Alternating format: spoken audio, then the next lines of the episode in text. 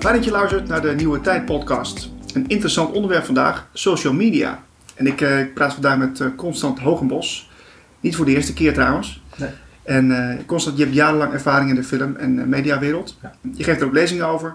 En je kunt er heel fijn over vertellen. Dus dat is ook wel, wel handig Dat is wel handig, hè? voor Ja. een podcast. Ja. Fijn dat je er bent, welkom. En ik weet dat je ook veel van geschiedenis weet, hè? ja. En daar wil ik eigenlijk een beetje mee beginnen. Want is er in het verleden al een soortgelijk platform geweest waar veel mensen elkaar ontmoeten en snel konden interacteren? Ehm, als, je het, eh, als je de interactie letterlijk zo ziet als we nu met social media zien, dan kun je dat eigenlijk eh, zeggen dat dat niet zo is. Omdat ehm, ja, er is natuurlijk wel heel veel gecommuniceerd altijd in het verleden, maar dat was toch grotendeels altijd grotendeels hè, de, de, degene die het nieuws brengt Ja. en de luisteraar, de ontvanger. En de, aan de, met name aan de luisteraars, de ontvangerskant, die was vooral passief. Je had de, eh, als we even uitgaan van de nieuwsbrengers, je had, eh, als we even de 20e eeuw pakken, voor het gemak, want we kunnen natuurlijk nog verder gaan, teruggaan in de, in de geschiedenis, maar de 20e eeuw, dan heb je de, de komst van de radio, de kranten waren er natuurlijk. Eh, na de Tweede Wereldoorlog krijg je de opkomst van de televisie. Eh, dan op een gegeven moment komt in de loop van de jaren 70, beginnen ze, of 60 beginnen ze aan de ontwikkeling van wat, iets wat, wat internet lijkt. Maar dat wordt eigenlijk pas begin jaren 90 komt dat voor de consument ook wordt het beschikbaar. Ja. En met eigenlijk tot aan de komst van internet zie je dat al die, eh, die nieuwsbrengers grotendeels een passieve rol eh, eh, inruimen voor de ontvanger van het nieuws. Kijk, je kon natuurlijk altijd wel een brief sturen naar, als je, naar de krant als je het niet mee eens was, of een ingezonden reactie, of een, voor een column of zoiets. Maar het was grotendeels toch de nieuwsbrenger en de, de, de ontvanger was passief. En wat je natuurlijk met de komst van, met, van internet al gradueel ziet verschijnen, maar vooral met de komst van social media, is dat natuurlijk eh, de- interactiviteit veel groter is geworden en dat de, eh, eh, de passieve rol van de ontvanger van nieuws eigenlijk totaal weggeslagen is. Wij, weggeslagen is. Wij hebben een hele actieve rol. En er wordt ook altijd, eh, eh, er wordt nu ook gesproken over eh, user-generated content, hè, de UGC, wat je heel vaak ziet staan. Nou ja, dat, dat zegt al iets dat zo'n begrip nu ook bestaat. Ja, want ik, ik, als ik je goed begrijp, nu, nu, nu kunnen we makkelijk reageren op nieuwsberichten. Hè? Mhm. We hebben Twitter, we hebben Facebook. Ehm, wat, wat zorgt er nou voor in, in ons gedrag dat we, dat, we, dat we nu de mogelijkheid hebben om, om te reageren? Wat, wat, wat heeft het voor uiting? Ehm, ja, kun je dat iets nader toespitsen? Want ik, ik kan hier namelijk alle kanten mee op. Ja, dat, dat snap ik. Ja, maar ja. iets specifieker. Kijk, ik heb nu de mogelijkheid om te reageren op het nieuwsbericht. Ja. Wat, wat gebeurt er dan eigenlijk? Want eh, eh, iedereen ziet wat ik reageer, iedereen eh, ziet het bericht. Dan verspreidt zich heel snel informatie. Mhm. Ehm, maar wat zorgt het, wat, wat, wat denk je dat het voor het geheel, eh, wat voor impact daarop heeft? Kun je dat, heb, je- heb je daar een idee van? Nou ja, goed, als ik nog even met wat ik net zei, hè, dat je, vroeger had je de traditionele nieuwsbrengers. Ehm, er, er was over het algemeen, eh, als er een brede maatschappelijke discussie over iets was, dan werd die op verschillende momenten werd die gewoon heel degelijk uitgevoerd. Je had eh, talkshows, je had de kranten, je had programma's op de radio. En dan werd dan bijvoorbeeld, dan had je voor- en tegenstanders. En dan kwam er uit zo'n discussie kwam er dan een bepaalde mening of een oordeel kon eruit komen. En dan kon je je als luisteraar of lezer van een krant, kon je daarmee eens zijn of niet. Nu zie je dat inderdaad eh, alles en iedereen kan zich ermee bemoeien. Eh, ook totaal ongefundeerde eh, meningen en, en, en, en argument, argumenten worden er soms over en weer gegooid. En het probleem is inderdaad omdat alles en iedereen zich er tegenaan kan bemoeien en dat vaak ook nog op social media met eh, de nodige onwelvoeglijke naamwoorden doet, laat ik het netjes zeggen, zie je dat hele relevante en belangrijke maatschappelijke problematiek of, of, of vraagstukken vaak in zo'n, in zo'n zee van over en weer totaal ontsporen. En dat mensen op een gegeven moment ook de essentie van een bepaald probleem kwijtraken. En dat je dus ook niet tot een oplossing komt. Omdat het op een gegeven moment alleen maar is de hakken in het zand en over en weer eh, fulmineren naar elkaar en over elkaar heen. Je komt er niet meer uit. En wat ik, hebben de afgelopen jaren hebben we natuurlijk een aantal van die discussies gehad. Pak de Zwarte Pieten discussie. Dat is een, hele belangrijk, een heel belangrijk maatschappelijk vraagstuk. Nou, natuurlijk eh, kun je daar heel heftig op reageren. Maar als je Nou, maar mag je even ja. onderbreken? Wat, wat, jij zegt het is een belangrijk vraagstuk. Maar ik vraag me dan, wat is er dan zo belangrijk aan? Ehm, nou, er zijn mensen mee bezig. Alleen, ehm, wat je dus inderdaad vooral ook door social media ziet, is dat inderdaad iets wat een relatief klein probleem is, waar een redelijk selecte groep van de bevolking mee bezig is, wordt opgeblazen tot in echt bijna megalomane proporties. Dat je denkt van nou, als er hier geen, geen oplossing voor gevonden wordt, dan vergaat de wereld. En dat vind ik ook wel een beetje een probleem met social media. Is dat heel veel zaken die best belangrijk zijn, of voor een selecte groep, of wel breder, hè, voor een bredere, Ja. voor, de samenleving, Mhm. dat, die vaak, eh, dat de discussie daarover eh, ontspoort. Ja, en nee, er dus echt een conflict ontstaat, eigenlijk door verkeerde communicatie. Nee, dat klopt, vind ik jammer. Dat klopt ook, want je ziet ook wel vers- verschillende verslaggevers eh, aangeven van, eh, ja, als we in het noorden komen van het land of in het oosten, dan zijn die problemen helemaal niet of gering. Nee. En komen we in het westen, dan is er, eh, dan is het net als er een bom gevallen is. Ja, ja en, en natuurlijk omdat door internet de communicatie ook niet meer gebonden is aan landsgrenzen. Nee. Zie je natuurlijk dat ook er van over de hele wereld wordt gereageerd. Daar wordt het vuur alleen maar aangewakkerd. Hè? En, en daar wordt bijvoorbeeld een cultuurhistorische situatie wordt daar vaak helemaal niet in meegenomen. Want je kunt Nederlands, de Nederlandse samenleving bijvoorbeeld niet vergelijken met de Amerikaanse samenleving. Ja, dat kan wel, maar dan stuit je op heel veel grote verschillen. Ja. Dus dat, dat kun je niet zomaar, in zo'n discussie kun je dat niet zomaar inbrengen als argument van zij doen het daar ook, zij vinden het ook heel erg. Nee, dus, dus als ik het goed begrijp, het is, is een nieuw fenomeen. Dat, Ja, dat, is niet absoluut. eerder in de geschiedenis eh, voorgekomen. Eh, we leven wel in een hele snelle tijd waarin nou, veel mensen online een eigen profiel eh, beheren. Hè? Ja. Snel nieuws vergaren, veel informatie tot zich krijgen. En ehm, nou, ik wil toch even wat cijfers erbij pakken. Vind ik ook Ja. wel leuk. eh, Altijd goed, hè? ja, precies. Er zitten dus dagelijks zitten er ruim 8 miljoen mensen in Nederland op, op WhatsApp. 7,5 miljoen mensen op, op Facebook. En 1 miljoen mensen op Twitter. Ja. Nou vraag ik mij dan af, hè, van, ehm, hoe komt het dat al die mensen daar zo mee bezig zijn? En, en wat zijn ze eigenlijk aan het doen? Eh, nou, WhatsApp is natuurlijk de, de meest ideale uitvinding voor Nederlanders, want het is gratis. Dus, eh, Vinden we dat heel is- fijn. Dat is, vinden wij heel fijn. En ehm, ja, goed, het is natuurlijk een, eh, in, in antwoord op jouw vraag, het is natuurlijk een, een, een, een wisselwerking, omdat eh, er wordt op een gegeven moment iets gecreëerd. Daar is een, eh, blijkt een markt voor te zijn en er gaan steeds meer mensen gaan zich daarmee bezighouden. Het is makkelijk, je kunt snel communiceren, je hoeft niet meer lastige telefoongesprekken te voeren, als ik het even op WhatsApp hou dan. Hè? Ja, ja. Ehm, eh, je kunt snel communiceren, je kunt allemaal groepen aanmaken. Maar voor je het weet, als je daar dus echt intensief mee bezig bent en je schermt jezelf dus niet af door een aantal van die functies die erop zitten, hè, dat meldingen gedempt worden en dat mensen niet kunnen zien dat jij op WhatsApp zit. Mhm. Hè, stel dat je alles open hebt staan, dan ben je dus eigenlijk bijna een soort van slaaf van zo'n app. En daar zit natuurlijk ook het probleem, want heel veel mensen willen toch, die willen, eh, willen niet het gevoel hebben dat ze iets missen. Hè? Het bekende FOMO, het Ja, ja, fear, ja, fear ja. of missing out. Hè, van, eh, ehm, eh, bij, bij jongeren zie je vaak ook dat, er, dat het idee van, tel ik nog wel mee? Hè? Moet ik niet snel reageren, want anders val ik misschien buiten het, het sociale clubje. ehm, of het sociale netwerk. Dus er zijn een aantal van die factoren die maken dat mensen gewoon heel erg veel bezig zijn met social media. Is het ook niet zich- zichzelf steeds profileren? Want ik, ik, ik, eh, dat is ook een beetje waar ik naartoe wil. Van, eh, we- Ja. We maken onze eigen profiel aan met, met een denkbeeldige constant, een denkbeeldige Niels die er zou zijn, die, die een aantal functies heeft en die een aantal ja, eh, interesses heeft. En die moeten we dan Ja. zo, eh, zo eh, neerzetten.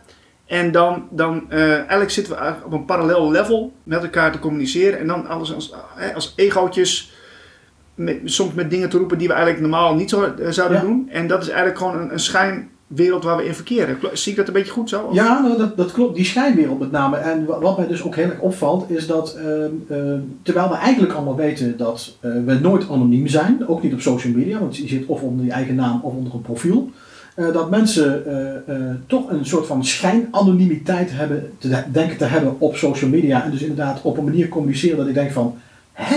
Zo heb ik die persoon in werkelijkheid nog nooit horen praten. Als ik zo iemand tegenkom op straat, dan is het een heel ander mens bijna. Het lijkt wel of er een soort van digitale schizofrenie is ontstaan. Ja, nee, maar dat is, Ja. Ik, ook mensen in mijn... Ik, ik, ik, ik, ken mensen persoonlijk. En op een gegeven moment, toen die dus met Facebook aan de gang gingen... en de, de, de bepaalde opmerkingen maakte, dat ik echt van... Dat ik echt moest gaan kijken, is het wel die persoon? Ja, ja? Is het, want dat, dat je dus inderdaad echt krijgt dat mensen het gevoel hebben dat ze, dus omdat ze op social media zitten, eh, veel feller, harder, directer, vaak veel confronterender kunnen communiceren dan ze in werkelijkheid zouden doen. Maar ja, daar zit natuurlijk toch ook nog een afstand in. Hè? Kijk, eh, wij zien elkaar nu, hè? wij zitten hier, hè? er zit een tafeltje tussen, Mhm. maar that's it. En als ik nu tegen jou hier zeg van Niels, ik vind je een ontzettende eikel, dan kun jij ook, die, dan, hè, dan kun jij ook aan mijn ogen zien of ik dat meen of niet. Ja. Ja, als ik daar een gezicht bij heb, een soort stalen Clint Eastwood blik, dan weet je van oeh, dat is foute boel. Maar als ik dat met een knipoog en ik zit hier lachend, ik zeg het tegen jou, dan heb jij een andere reactie. Ja. Maar dat zie je op social media niet. Nou, we hebben wel emoticons, hè? Die, eh, die, die, die Ja. lachenbekjes. Ja, maar daar moet ik dan inderdaad ook altijd heel erg hard om lachen, want er zijn er mensen die slaan daar weer helemaal in door. Die dan een berichtje plaatsen. En dan omdat ze zich realiseren dat er wel eens mensen zouden kunnen zijn die dit verkeerd opvatten. Zetten ze er ook een enorme lading aan emoticons bij, emojis bij. Joh, Ja, makkelijk Dus hoor. hè. Ja, echt. Ja, goed. Er wordt ook wel goed over nagedacht bij eh, hè, vooral die Facebook-luidjes en al dat soort dingen. Die Snapchat en Instagram-luidjes allemaal. Eh, hoe je dat allemaal kunt opvangen. Maar om even terug te komen op, die, hè, op jouw vraag op die, op die schijnidentiteit.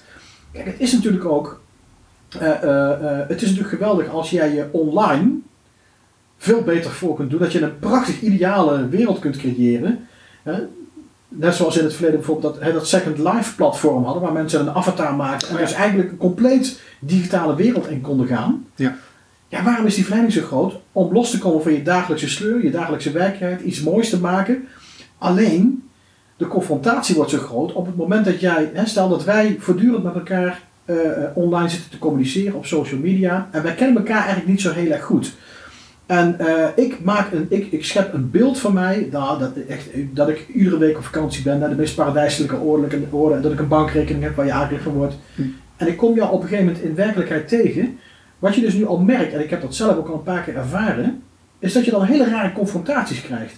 Dat je met mensen online communiceert, dagelijks, misschien wekelijks berichtjes overstuurt. En op het moment dat je ze fysiek tegenkomt, weet je vaak niet meer wat je met elkaar moet bespreken, want je hebt alles al besproken. Maar ook B, dat je een soort van confrontatie krijgt van, ja, wat heb ik eigenlijk ook alweer online gezet? En eh, wat heeft die persoon van een, voor een beeld van mij? Oh. kan, het kan dus zijn dat jij dus dan in één keer een heel ander beeld van mij krijgt in werkelijkheid dan ik dus online profileer. Ja, Als een hele vrolijke, joviale jongen en jij komt mij tegen in de werkelijkheid en dan komt een zwaar depressief iemand loopt daar voorbij. Snap je? Ja, je moet, je moet alles, je refereert alles aan wat je natuurlijk online Ja. gezet. Dus Ja. je bent eigenlijk aan het graven in je geheugen van, oh, ik heb toen en toen eh, verteld dat ik eh, ervaring hier en hiermee heb. Ja. Dan moet dat wel een beetje hoog houden, of het waar is of niet bijvoorbeeld. Hè? Ja, en, dat en kijk, dat, dat catfishing, hè, dat is, is ook zo'n begrip wat op een gegeven moment al kwam. Dat mensen inderdaad een prachtig mooi beeld van zichzelf schetsen op social media, terwijl de werkelijkheid totaal anders is. En vaak negatiever. Ehm, ja, dat kan natuurlijk in werkelijkheid, op het moment dat je elkaar fysiek ook eh, spreekt, kan dat natuurlijk een probleem zijn. Van ja, eh, kan ik, ik, kan dat, ik kan dat beeld kan ik niet handhaven. Nee. Dus wat doe je dan? En dan krijg je dus een probleem. Wat dan ook weer heel negatief kan werken op jouw persoonlijkheid. Op jouw persoon. Van dat je dan uiteindelijk toch weer geconfronteerd wordt met de harde werkelijkheid.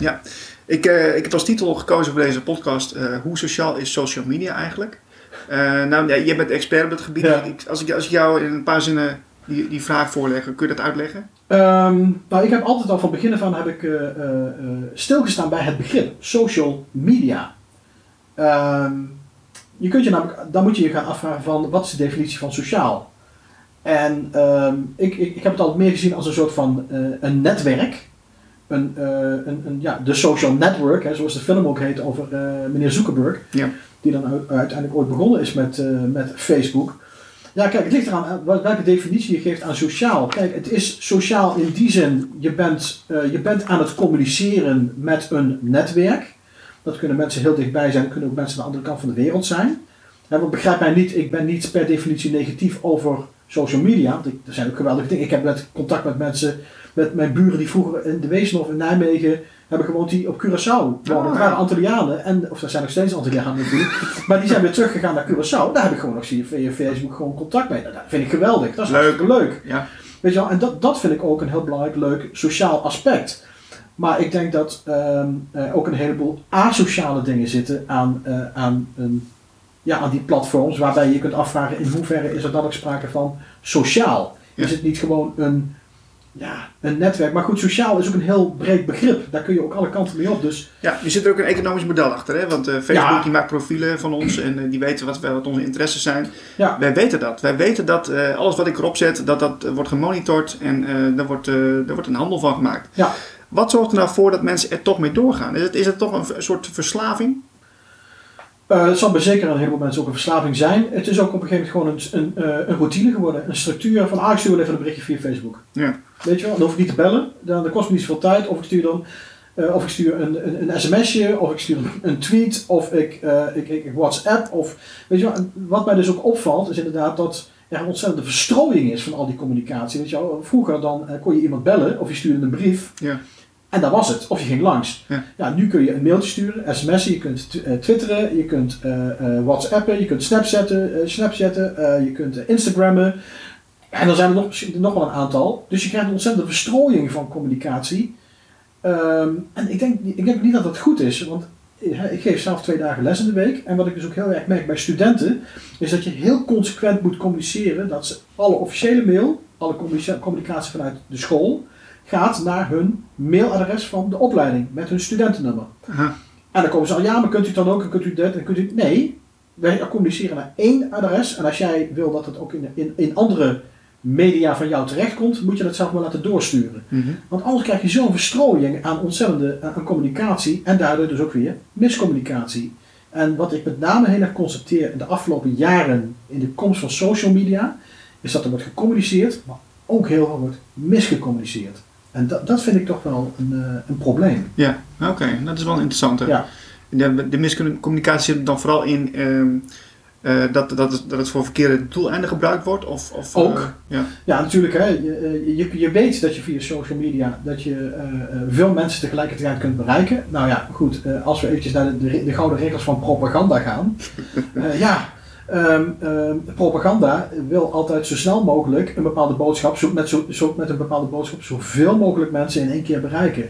Nou ja, waarom denk je dat mensen als, als Trump en, en ook andere mensen in de politiek steeds meer gebruik maken van social media? Omdat ze weten dat er veel mensen op zitten en ze zijn gevoelig voor die berichten. Tuurlijk, ja.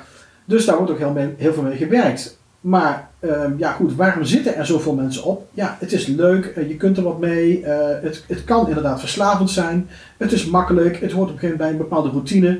En als je er niet meer aan meedoet, ja, eh, afhankelijk van jouw sociale kring, kan het zijn dat je dus dan buiten de boot valt. Ja. Stel dat je op een gegeven moment een groep vrienden hebt, een groep van zes vrienden hebt, en die hebben een eigen WhatsApp groep, en jij bent als enige die er niet in zit, en zij communiceren voortdurend in die WhatsApp groep, loop je een risico. Ja. Ja. Nou, als je dat ziet als een risico, want je kunt ook zeggen, ja, het is lekker rustig. Ja, ik, ik vind dat dus ook, ja. Voor mij hoeft dat dus ook niet. Ik hoef niet 24 uur per dag bereikbaar te zijn. En ik heb ook zoiets van, social media is leuk. Je kunt er leuk mee communiceren. Maar het moet, het moet geen eh, must zijn. In die zin dat je... Weet je, ik heb wel eens reacties gehad van mensen. Op het moment dat je een, eh, een berichtje van iemand krijgt. Dat je daarna dan gewoon een, een- echt, een, echt een pissige reactie terugkrijgt. Dat je dus gewoon niet binnen een paar uur gereageerd hebt. Jeetje, maar ik vind, een paar- je moet ook wel binnen een paar uur kunnen reageren constant. hoor. Ik vind het een beetje schandaal dat je dat niet doet. Nee, nou, ik, sterker nog, ik heb het ooit meegemaakt en ik ga geen namen noemen, maar eh, eh, ik zit zelf niet op WhatsApp, omdat ik dus daar niet aan mee wil doen. Ehm, eh, maar dat een, eh, een collega een, eh, een conflict kreeg met een student, omdat hij een berichtje had gestuurd via WhatsApp en hij was, eh, hij was zwaar beledigd dat hij niet binnen vijf minuten een reactie had gekregen op WhatsApp van de, van de docent. En dan denk ik van, jongens, eh, weet je wat, we zijn niet de hele dag stand-by om te reageren op de berichten van anderen. Je hebt een leven en daar heb je gekozen voor een bepaalde manier van omgang met je professionele omgeving, met je persoonlijke omgeving. Daar vind je een modus in. En hoe jij daarin communiceert, dat moet je helemaal zelf uitmaken. Maar ik vind niet dat je door social media gedwongen moet worden tot een bepaald eh, profiel, tot een bepaalde, eh, tot bepaalde protocollen en tot een bepaalde eh, ja, dwangmatigheid van het gebruiken. Ja, nee, maar- En dat zit er vaak wel achter. nu. Klopt ook. En je ziet ook vaak dat er, er gaan onge- ongeschreven regeltjes sluipen erin, zodat Ja. jij een bepaald, eh, ja, bepaalde eh, normen voldoen van hoe, hoe men er kan omgaan in de social media of, Ja. of de buiten. Ja. En eh, ik heb er ook een keer meegemaakt dat ik, ik had een keer een reactie geplaatst over het, het, ging over donor, was in het Ja. nieuws, ik weet niet precies waar het over ging hoor. En ik had daar een reactie op gegeven van, nou, lees deze, deze informatie eens een keer en dan, dan kun je er misschien anders naar kijken. En iemand ging, er volledig tegen in, die ging me helemaal verrot schelden op Twitter. En, eh, Met name dat, hè. Dat ja, is, en ja. vervolgens, wat ik dus deed, ik, ik gaf een hele beschaafde reactie terug van nou, eh, laten we hier een keer over praten. En de volgende reactie was compleet andersom. En die was, oh, ja, sorry, zo bedoelde ik het eigenlijk niet. Maar dan, eh, ja, weet je, ik denk van Ja. waarom gelijk die eerste haatreactie? Waarom gelijk? Ja, dat, nou, dat is wat het is. Eh, het- het is snel. Je kunt dus heel impulsief reageren. En eh, kijk, vroeger was het ook zo. Hè, dat, vroeger weer, weet je wel. Ja, to- Toen het allemaal nog goed was. ja, oh, ja zeker. Ja. Nou, laten we laten we de, middel, de middenweg nemen toen het nog anders was. Ja, ehm, kijk, op het moment dat jij een stuk las in de krant en je was het daar niet mee eens, weet je wel, dan, nou ja, dan ging je misschien een brief schrijven, of je, eh, eh, maar dan had je nog, weet je wel, dan, kon het, dan, dan was het in ieder geval niet, dan kon je die brief schrijven, dan las je die daarna nog eens een keertje door en dan, ja, misschien moet ik dit toch anders formuleren. En misschien, nou, weet je, anders laat maar. Ja, ja. Maar nu hebben de mensen, weet je ze zitten aan de televisie te kijken. Of ze zitten ergens te Ze hebben de telefoon in de hand, hè. Van, oh, wacht maar eens even. En op het moment dat er iets gezegd wordt, tadadadada, meteen een reactie. Heel impulsief. Maar het is ook, lekker achter- frustratie af, eh, afreageren. Ja, maar inderdaad, later, dan, dan, dan realiseren ze zich vaak, oh, misschien had ik misschien niet zo moeten, of niet zo moeten reageren. Ja, ik kan me nog herinneren dat er een aantal jaar geleden een uitzending was van De Wereld Draait Door.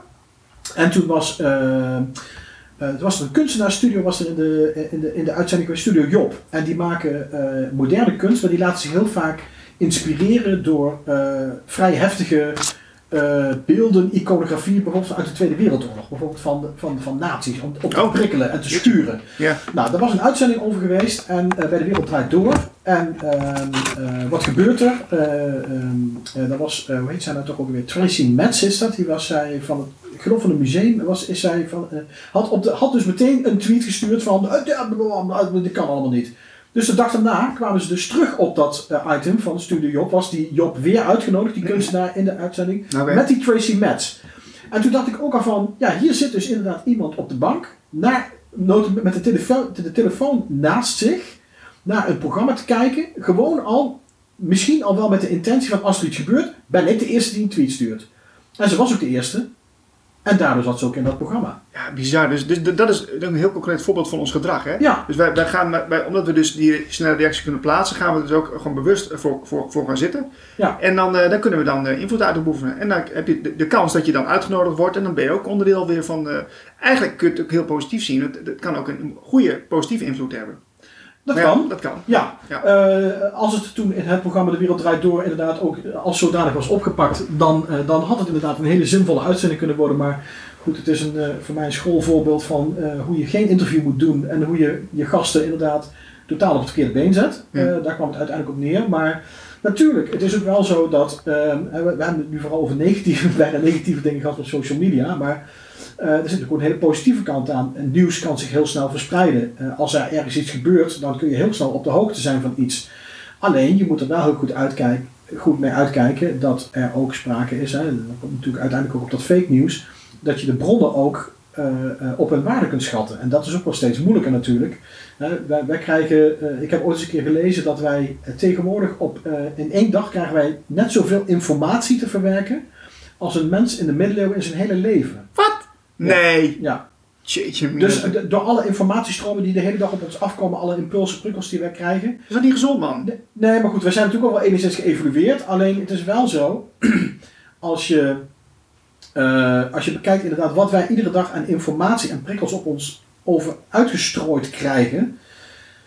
Ja, weet je wel, als je dat in een groter complex ziet en je ziet met wat voor problemen met jongeren bijvoorbeeld ook al in de samenleving, hè, burn-outs, op, op 10, 11, 12-jarige leeftijd, kom op zeg. Weet je wel, waar komt dat vandaan? En ik wil niet zeggen dat dat alleen van social media komt, maar het is er wel een factor in. Eh, De overprikkeling van, van jonge mensen inderdaad. En eh, het, het, het kwam van de week weer in het nieuws met je mobiele telefoon naast je bed leggen. Ja.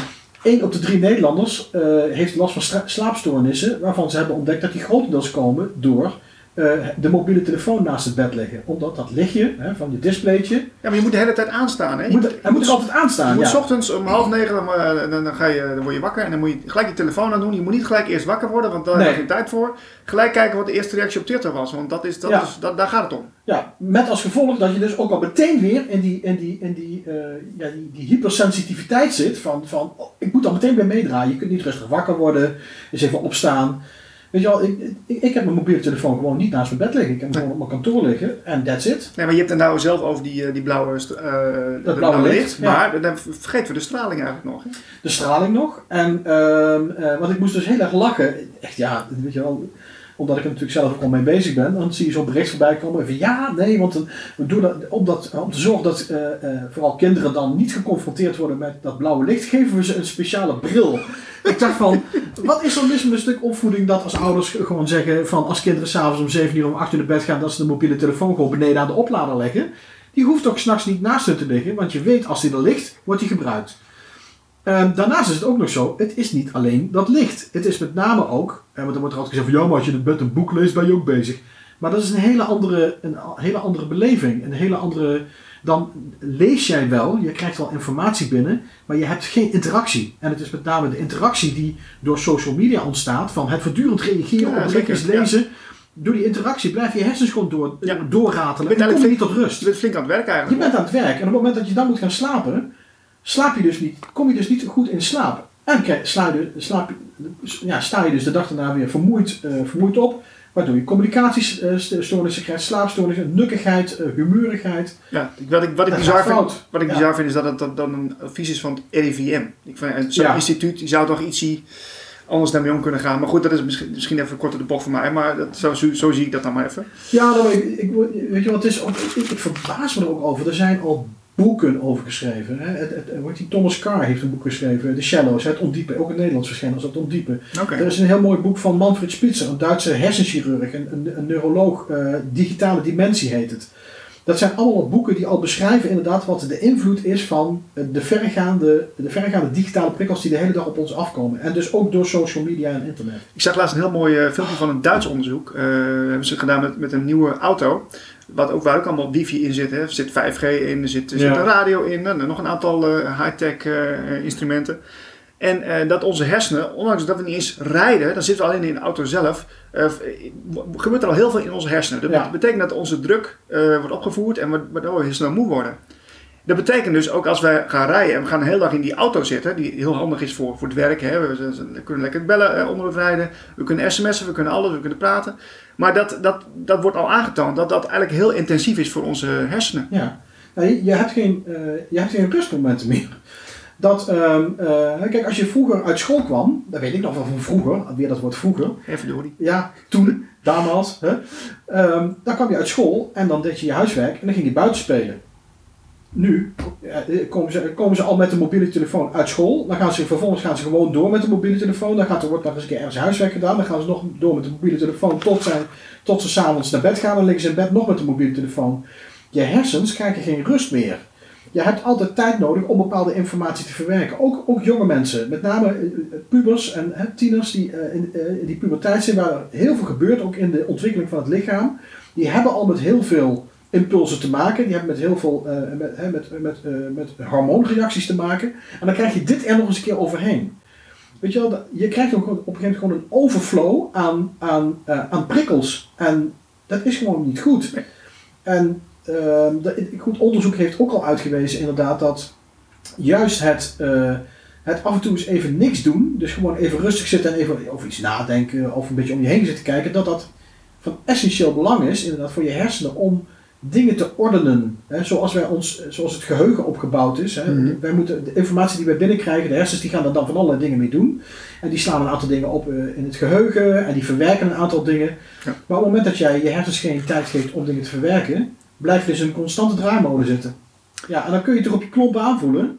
Ja, maar je, hier hoef je geen wetenschapper voor te zijn. Is Nee, gewoon weet je wel, het Ja. is gewoon eh, eh, boeren, ze zeggen wel eens weer boerenlullenverstand, maar dat, dat is het wel. Weet je wel, als je gewoon één en één bij elkaar optelt, dan kun je er natuurlijk gevoeglijk van uitgaan dat daar het gevolg van is twee. Precies. Eventjes eh, naar iets anders, want eh, we hebben nou dit hele st- stuk gehad over eh, social media en eh, hoe we daarmee omgaan. Wat, wat, wat leren wij hier nou van als we dit nou bij elkaar, eh, als we dit samenvatten? Ehm, nou ja, je had het in het begin liet het woord geschiedenis vallen. Het is altijd de vraag van leren wij van de geschiedenis. Maar de geschiedenis gaat nu heel erg snel. En ehm, het is de vraag inderdaad van, kijk deze ontwikkeling, als je kijkt naar hoe lang de ontwikkeling van social media is, dan praten we nog, dan praten we over iets meer dan tien jaar eigenlijk. En als je ziet wat er in die tien jaar allemaal al gebeurd is op social media gebied, dat is gigantisch veel. Ja. En het is de vraag inderdaad van eh, of wij daar op een gegeven moment een modus in kunnen vinden om daar op een hele verantwoorde manier mee om te gaan. Of dat we inderdaad door blijven kabbelen zoals het nu gaat. Dat we steeds verder, steeds sneller, steeds meer, steeds, steeds anders en steeds weer nieuwe apps en apps over elkaar heen. Ik denk wel dat dat nog echt wel een tijd zal eh, aanhouden. Het kan ook zijn, zoals de geschiedenis dan leert, dat er op een gegeven moment een bepaald zo'n verzadigingspunt komt. En dat er dan misschien op een andere manier, eh, op een hele andere manier over dingen gedacht wordt. Maar als ik dat nu zou moeten inschatten, ik zou daar moeten over speculeren van, zie je dat binnen een aantal jaar gebeuren? Dat denk ik niet. Ik Nee. denk dat dit inmiddels zo verweven zit. En niet alleen in Nederland, maar het is wereldwijd. En dat is natuurlijk ook iets waar we mee geconfronteerd worden. Het is niet iets wat in Nederland bedacht is en alleen in Nederland wordt gedaan. Nee, het is wereldwijd. Iedereen heeft ermee te maken. Meer dan 50% van de, van de wereldbevolking heeft een mobiele telefoon, een smartphone. Dus die zitten ook op eh, social media, kun je, kun je wel van uitgaan. Ja. Dus ik denk dat het heel moeilijk is om te zeggen van waar gaat dit naartoe en gaat dit veranderen. En leren van de geschiedenis. Hopelijk wel, Mhm. maar de geschiedenis leert ook dat we vaak niet zoveel leren van de geschiedenis. Nou, dat is dan weer jammer inderdaad. Ja, ja, er wordt altijd gezegd, ja, maar dat was toen, dat is een andere tijd. En we zijn nu, zitten we in deze tijd en is het toch anders. Mhm. Ja, dat klopt.